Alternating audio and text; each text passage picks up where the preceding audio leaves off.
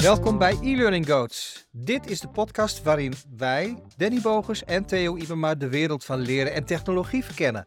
Speciaal voor opleiders in organisaties en het onderwijs duiken we in alles wat met e-learning, blended learning, learning management systemen te maken heeft. Ofwel, wij bespreken alle technologische tools die kunnen helpen bij het creëren van een boeiende leerervaring voor medewerkers, klanten en studenten. Dus of je nou luistert in de auto, in de trein of op de bank met een kop koffie, ga er lekker voor zitten en duik met ons in de fascinerende wereld van de leertechnologie. We zijn gestart, Danny. Ja, wat hebben we vandaag in de podcast? Ja, laatste nieuws. Learning Analytics. En uh, ja. we hebben eigenlijk een, uh, weer een tool van de week. Daar ga jij je iets over vertellen. Zeker. Uh, en ik wil nog eventjes misschien even opmerken wat de vorige keer natuurlijk uh, David Groen had gast. Ja. En nou ja. Hij is goed beluisterd. Ja, hij is goed beluisterd. beluisterd. Ja. Leuk. Ja, het was een heel erg leuk gesprek gewoon. Dat smaakt naar meer.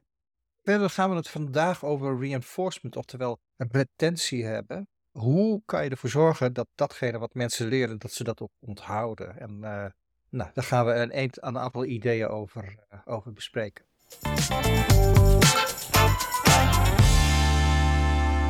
Um, hebben we nieuws gezien? Hebben we nieuwe dingen? Uh, had, jij, ja. had jij nieuwe dingen? Ja, nieuwe dingen. Niet echt gewoon om in de diepte in te gaan. Hè. Natuurlijk heeft uh, op AI-gebied, uh, dus, uh, wat is het, Gemini? Gemini is volgens mij live. Dat belooft ze, belooft ze van alles. Ja. En er is een nieuwe wetgeving, rondom, Europese wetgeving rondom AI. Ja. En ik weet wel wat fijn die van als ik ben. ik heb het een klein beetje gevolgd.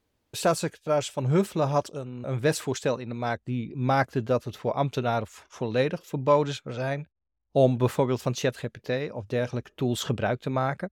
Maar dat hebben ze toch uh, wat, wat verzacht. En uh, nu zeggen ze eigenlijk meer van nou, kijk gewoon heel goed of de tools aan de Europese wetgeving voldoen. En anders um, uh, ja, gebruik het niet of gebruik vooral je, je eigen verstand. Maar hoe, hoe dit straks toegepast moet worden, bijvoorbeeld in het onderwijs. Ik heb het idee dat het wel wat meer ruimte geeft aan mensen. Dat in ieder geval niet alles is dichtgetimmerd. Maar ja, mensen moeten gewoon nog steeds heel erg oppassen in uh, hoe, hoe, ze, hoe ze AI gebruiken. Ja, ja. ja maar verder qua nieuws. Oeh. Nou ja, anders maak ik meteen maar even het bruggetje naar het tool van de week. Oh ja. Want wat nieuw was, was dat Storyline een 64-bit versie in beta heeft genomen, een publieke beta. Uh, publieke beta wil zeggen dat het een nieuwe versie is die iedereen kan uitproberen, maar die nog niet helemaal uh, vlekkeloos is en waar soms nog foutjes in zitten.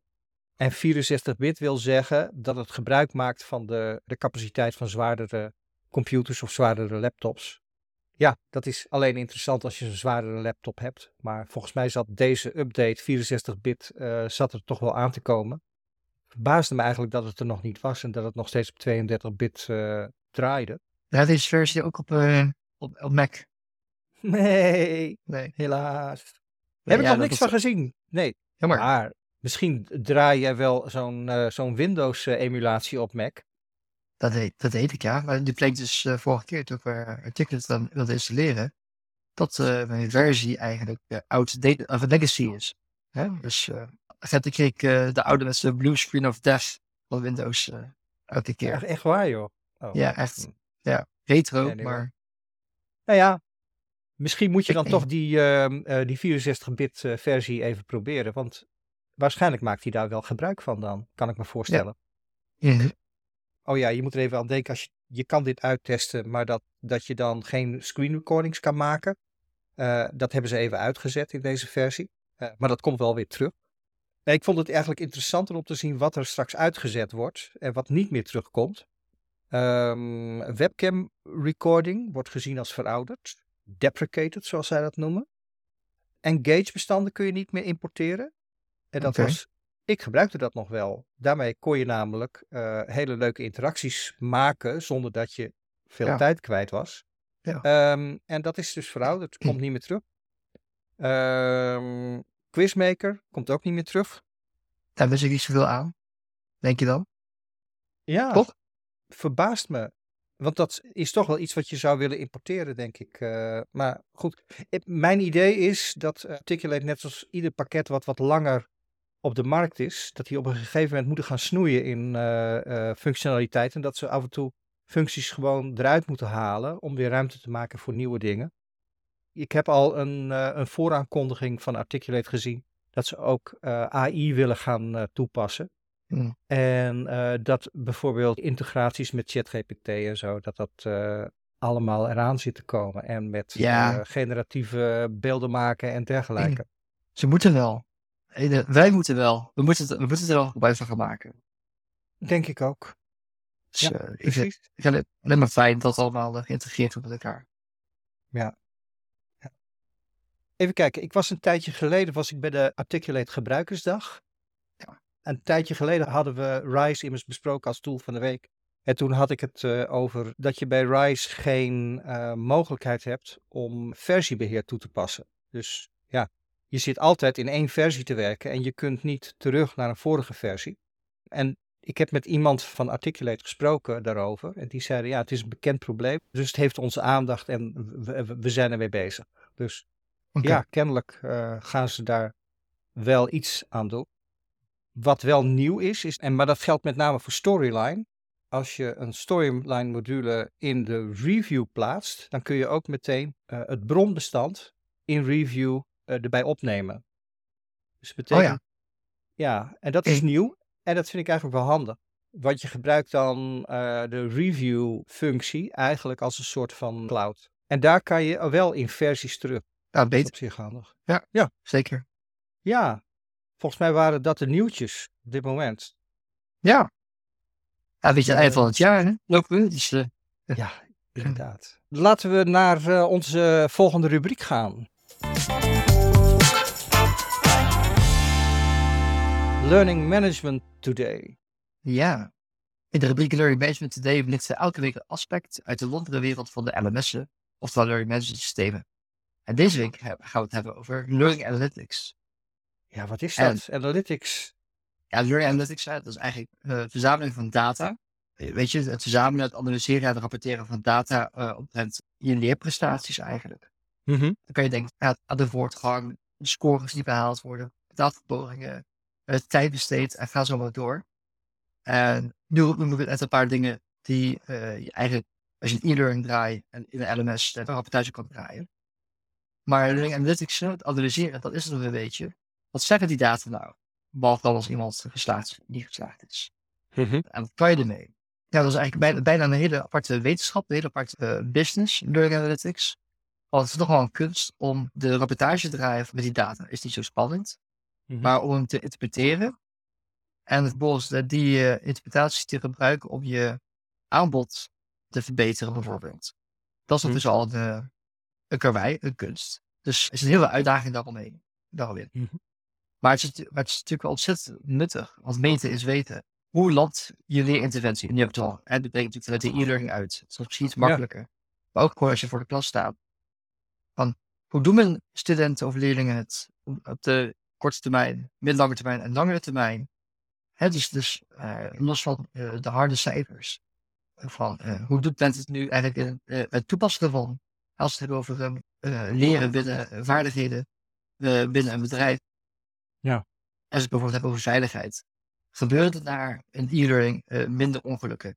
Of in een andere data, hè, dus bijvoorbeeld wat je zou kunnen meten, misschien later op de werkvloer dat er uh, juist verwarring is. Omdat uh, de e-learning het een zegt en de ander zegt, en, en, de praktijk zegt wat anders.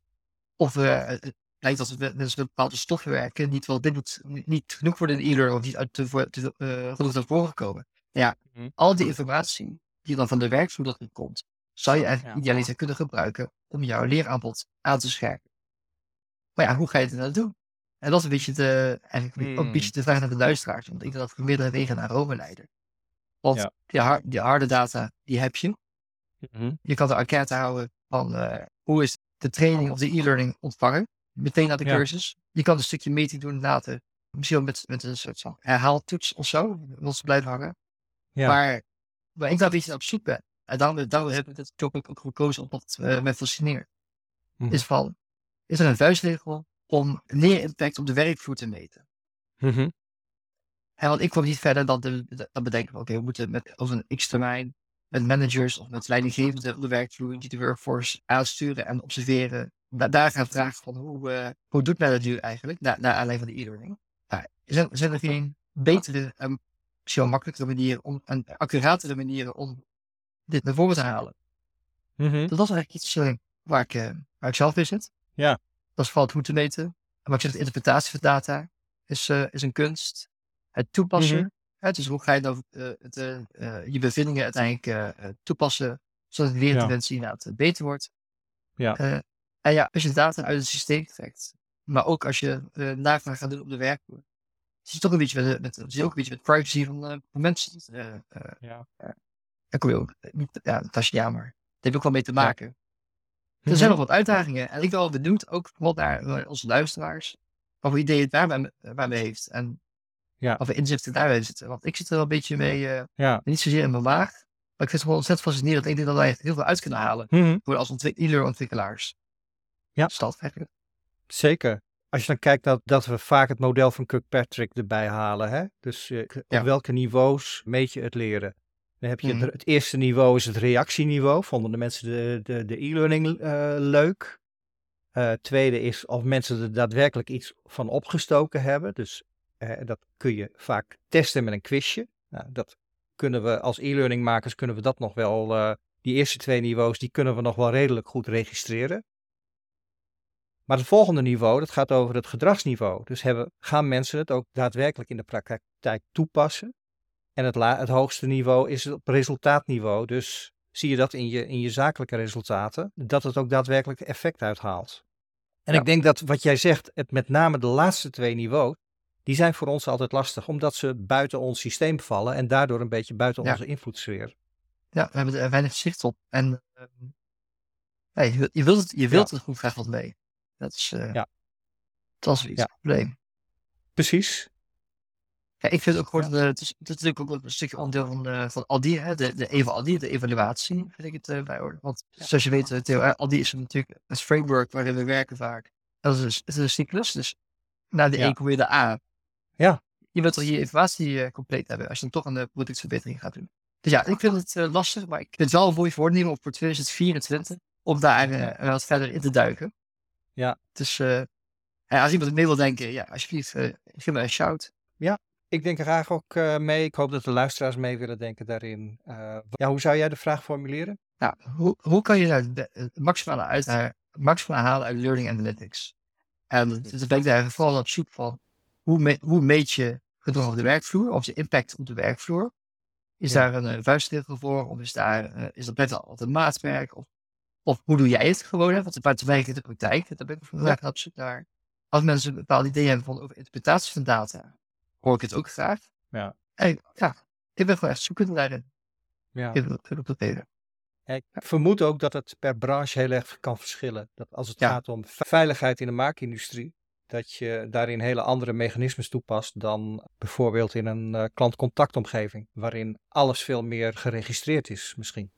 Ja, ja, ik eh, vind het wel lastig. Dat is wel lastig, momenteel. Ja, ken het, ja. Maar goed, het is, ook wel een bruggetje misschien naar, naar het hoofdonderwerp. Hè? Want eh, Zeker. meten is weten. Ja. Maar Ja. reinforcement of retentie, dat is natuurlijk wat een belangrijke rol speelt in het Precies. wetenschap. Ja. Dus Theo, take it away. Nou, het hoofdonderwerp is eh, reinforcement, oftewel eh, in het Nederlands bekrachtiging. Hoe zorgen we ervoor dat datgene wat we willen dat mensen onthouden, hè, dat we ze de instrumenten geven om dat ook echt te onthouden. Wij proberen daar altijd alle trucs die we kennen rondom eh, het geheugen, die proberen we daarop toe te passen. Maar ja, wat is dat dan precies? Belangrijkste feit waar ik, eh, eh, waar ik altijd rekening mee hou, is we, we vergeten saaie dingen dat wat we saai vinden, dat, dat vergeten we gewoon. En het lastige daarvan is eh, dat we de goede dingen niet altijd boeiend vinden. Dus datgene wat heel belangrijk is, vinden we soms heel erg saai.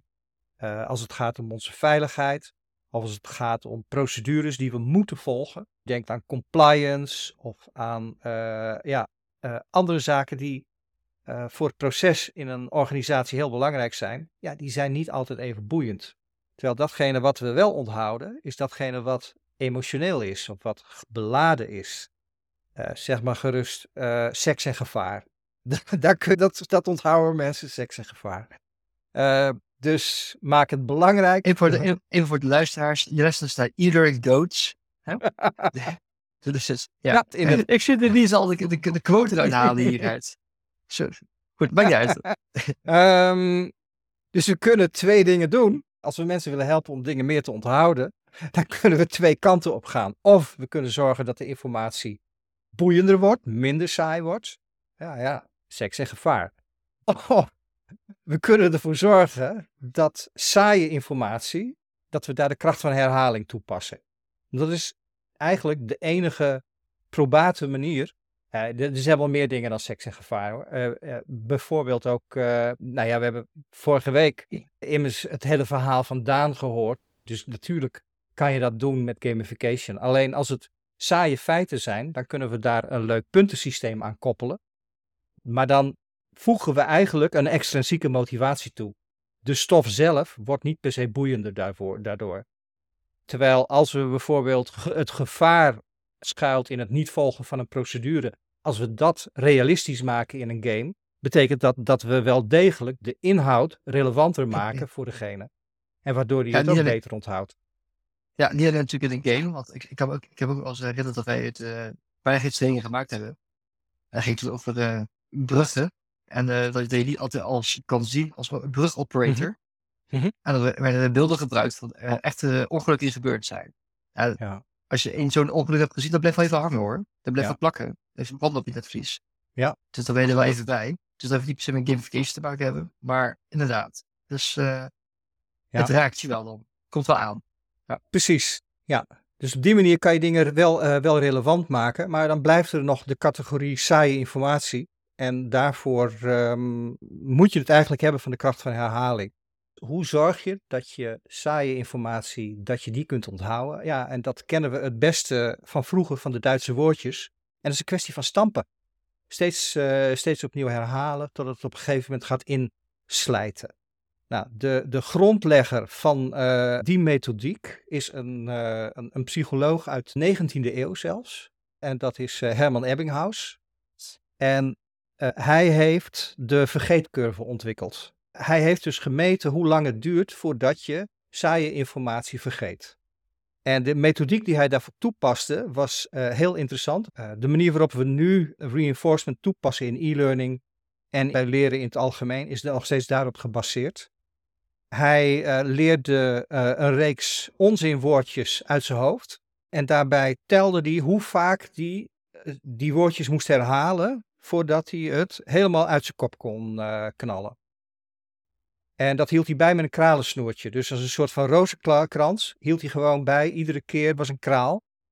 Uh, iedere keer dat hij het moest herhalen. En dan schreef hij op hoe vaak hij erover gedaan had. En vervolgens gaf hij zichzelf tijd om het te vergeten. Nou, dat kon uh, 20 minuten zijn, een uur, um, uh, een middag, een dag, een maand. Hij nam dan een specifieke tijd. Oké, ik wacht een dag en daarna ga ik mezelf opnieuw datzelfde rijtje aanleren.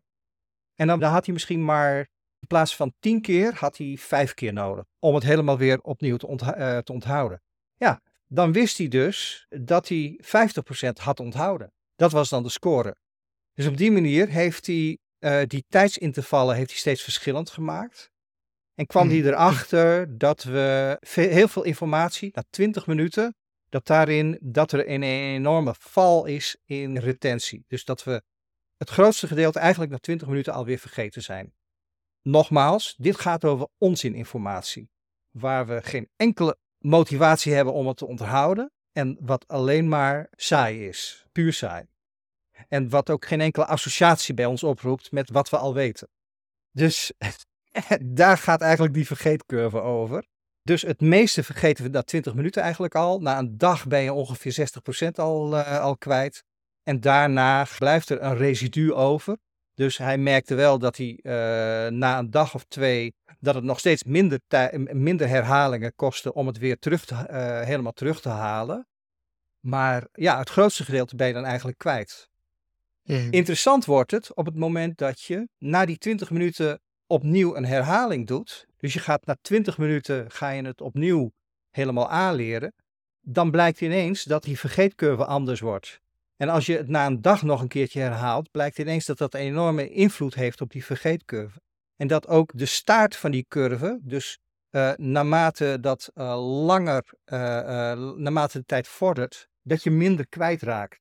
Omdat, en dat blijkt met het, geheugen, het werking van het geheugen te maken hebben, langzamerhand gaat die informatie van korte termijn geheugen naar het lange termijn geheugen over. Dus eigenlijk is het zo dat het moment dat we iets geleerd hebben op een dag, de, de, de hersenen maken dan nieuwe verbindingen en die verbindingen worden eigenlijk in de nacht worden die opgeruimd.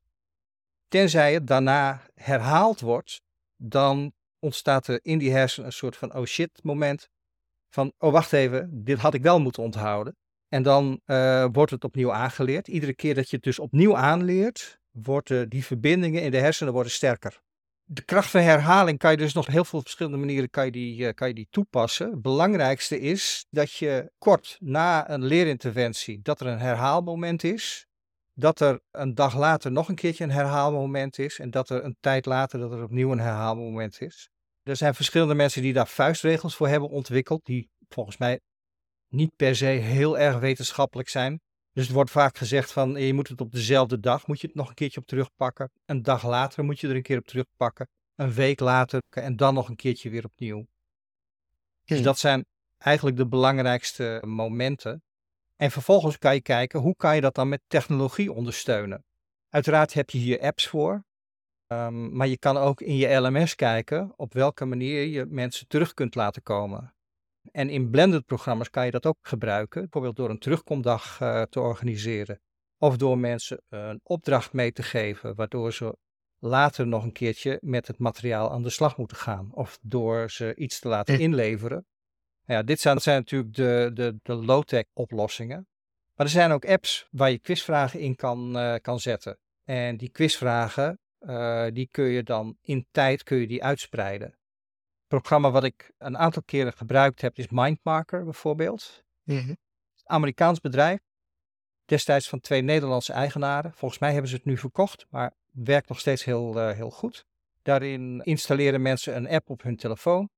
En nadat een interventie geweest is, of een, een, uh, een leerprogramma, dan heb je een heel programma van berichtjes die mensen één keer in de week, twee keer in de week toegestuurd krijgen. Waarbij het de ene keer een filmpje is, de andere keer een quizvraag, weer een andere keer is het een korte uitleg van iets, of een um, kleine samenvatting, of een praktijkopdracht. En door op die manier steeds af te wisselen en uh, informatie terug te laten komen, kun je ervoor zorgen dat je die uh, vergeetcurve van Ebbinghaus, dat je die steeds op het juiste moment ondervangt. Ja, mm-hmm. Wat ik ook gezien heb is dat een New Spring, een, bekend platform in Nederland waarbij je e-learnings kunt hosten, maar die hebben bijvoorbeeld ook een, uh, een, een, een training app waarmee je die je kunt vullen met quizvragen. Daarbij worden steeds de vragen die je niet goed hebt onthouden, die worden vaker, die komen vaker terug dan de dingen die je wel hebt onthouden. Ja, nou, ik zit te denken, van, we zijn natuurlijk allebei uh, betrokken bij de ontwikkeling van e-learnings. Mm-hmm. En wat is dat ook die opdracht? Wat, het, het is natuurlijk heel logisch, hè, want op, op school werd het eigenlijk al uh, zo toegepast. Als we nu kijken naar onze opdrachtgevers, hoe waar, hoeveel daarvan uh, doen inderdaad die tussenmomentjes, die, die, die, die reminders, in wat voor vorm dan ook, die herhaling, heel beperkt. Ik, ik, ik, ik, heb, ik heb één klant die daarvoor gezegd van die training moet elk jaar herhaald worden. Of elk half jaar. Ja. Punt. En ja, geen miste kans. Toch? Bon, denk ik. Ja. Of, of, of weet je de tweede, ja, wat vind je ervan is mijn vraag. En dat is ja. vraag één. En het, de tweede is van uh, waarom zullen er nou zijn? Dat, is, dat, dat men dat niet, daar geen aandacht voor heeft. Mm -hmm. Ja, ik denk dat het uh, zowel bij de deelnemer als bij de opdrachtgever zit. Ik denk dat beide eigenlijk het idee hebben dat leren doe je één keer, dan zit het erin en dan uh, weet je het vanaf dat, dat moment. Ja, denk je dat, dat, dat, dat het, bent echt serieus zo erin staan? Um, nou, dat is wel een beetje de verwachting. En ik denk dat bij de, de, bij de cursist, en die wil gewoon een vink zetten. En als die vink gezet is, dan uh, wil hij er vanaf zijn. Ja, en de, de, de opdrachtgever ook natuurlijk. En die ook, men, men moet die tegen dan hebben afgedinken en, en door. Nou, de, Maar- de, de, de, de opdrachtgever is vaak ook gehouden om eh, een aantal cursussen aan te bieden en daarvan resultaten te kunnen laten zien, omdat wetgeving dat eh, vereist. Mhm. Dus op het moment dat hij kan aantonen dat de cursus gevolgd is, dan heeft hij daarmee aan zijn wettelijke verplichting voldaan. En dan Ja. is er heel weinig incentive om ervoor te zorgen dat dat ook echt eh, gemeten wordt. Heeft hier ook misschien een rol voor ons als ontwikkelaars? Want we hebben natuurlijk ook een adviserende rol. Moet hij hier misschien zelf wel meer op gaan sturen dan? Ja, ik, ik kom dus uit de, uit, de, uit de communicatietrainingen en daarin deden we dat altijd wel. Waarbij we altijd eh, gefocust waren op, eh, als we een programma aanboden, wat gaan we doen aan retentie? Hoe gaan we ervoor zorgen dat dit in het gedrag van mensen eh, terugkomt? Dus hoe, Mhm. maar daar was het antwoord vooral ook. Wat ga je er in coaching aan doen? Wat, hoe gaat dit in je HR-cyclus terugkomen? Dat soort dingen. Ja, en bij e-learning zie ik ons dat niet zo vaak doen, terwijl we eigenlijk meer instrumentarium hebben om het wel degelijk toe te passen. Ja, Ja, precies. Dat is zo. Ja, ik, ik, Ja. ik hoor je verhaal en niet van, ja, weet je, eigenlijk iets wat we natuurlijk al, al lang wisten. En uiteindelijk natuurlijk van, waarom hebben wij niet na het opleveren van de e-learning eh gezegd van, joh, een soort van uh, opfrisse mini-moduletje eraan, zo weet je wat de ontwikkeltijd niet waar niet is. Dat, die gooien we er gewoon in om de, na zoveel tijd, zo op, eh, op regelmatige basis. Ja, want je hebt niet veel nieuw materiaal nodig om dit te doen. Nee, dat is in nee. ieder geval wat ik in het Nee. werken met Mindmarker ook geleerd heb en andere tools die ik gebruik heb. Eh, soms hebben we het ook gewoon een WhatsApp-programma van gemaakt, waarbij we Ja, gewoon een WhatsApp-groep maakten en om de zoveel tijd eh, een, eh, eh, een berichtje in een WhatsApp-groep gooiden. Werkte Dat, dat, ook. is, eh, dat was dan ook een manier. Of je, je je hebt gewoon een, een, een, een, question form, weet je, op basis van de content die je gepresenteerd hebt. En dan eh Ja. met, een, met een randomizer erop. En dan sta, sta je vijf vragen. En eh elke keer vijf andere vragen. En Maar ik denk wel dat er een hiërarchie is in welke interventies je toepast. En de eerste is, zorg dat je eh saaie informatie minder saai kan maken. Hoe kan Ja. je het relevant maken? En dat proberen we wel zoveel mogelijk toe te passen. ja, en met dat, seks daarin, met seks en gevaar. met seks en gevaar, precies. Dus wat gaat er mis op het moment dat je het eh, goede gedrag niet toepast? Of welke voordelen heeft het om het goede gedrag wel toe te passen? Alleen als dat niet werkt, of in het dagelijks werk zijn er zoveel prikkels om het oude gedrag te laten zien, ja, dan gaat herhaling heel goed werken. En Ja. denk ik, ben ik het met je eens dat we dat in, in gedragsverandering die we met e-learning proberen toe te passen, dat we daar misschien nog te weinig gebruik van maken. Dus hoe met je voornemens voor komend jaar? Theo? Hier is, eh, hier is goed over na te denken hoe we, een Ja. e-learning, hoe we ervoor kunnen zorgen dat, dat je een e-learning niet in één keer kan doen, maar dat je terug moet komen. Of je doet het maar één keer, maar dat je wel gewoon die reminders krijgt van, eh, joh, weet, Ja, wist, je- kan weet je nog? Een wist je datje? Of, of Wist je een weet je datje? nog in? Precies. Ja. Die kleine, kleine dingetjes. Ja. Ja, Precies. su- su- super interessant. En ehm, Ja, Ja. laten we die als, eh, als goed voornemen dan eh, meenemen voor onszelf. Dat ehm, brengt ons eh, tot het laatste punt. De, dat zijn de huishoudelijke mededelingen. Ja, die heb ik niet in het script gezet, eh, Danny. Maar die eh, moeten we wel eventjes aan de orde ja, brengen. Eh, wij zijn pas in januari weer terug. Ja. Ja, beste luisteraars. Dat betekent dat aflevering 7 op 19 januari weer live staat. Dan hopen we jullie weer terug te horen. en dan gaan we weer met nieuwe energie er tegenaan. Leuk. Yes, zo Ja. is dat. En eh fijne jaarwisseling iedereen. En vrolijke feestdagen. Ja, zeker. En laat ons weten wat jullie goede voornemens zijn. Dat is een goeie. Oké. Top. Dit was e-learning Goats, een podcast van Danny Bogus en Theo Ibema. Op 19 januari zijn we er weer met de volgende aflevering. In de tussentijd zijn we zeer benieuwd naar je reacties. Die kun je kwijt op ons Instagram-account e-learning Goats of via onze LinkedIn-pagina. Als je meer wilt weten van de onderwerpen die we besproken hebben, kijk dan ook in de show notes. Daar zetten we alle relevante links op en vind je ook de link naar onze website. Vond je dit een leuke aflevering? Klik dan in jouw podcast-app op liken en volgen. Dat helpt andere mensen weer om deze podcast beter te vinden. Bedankt voor het luisteren en graag tot de volgende keer.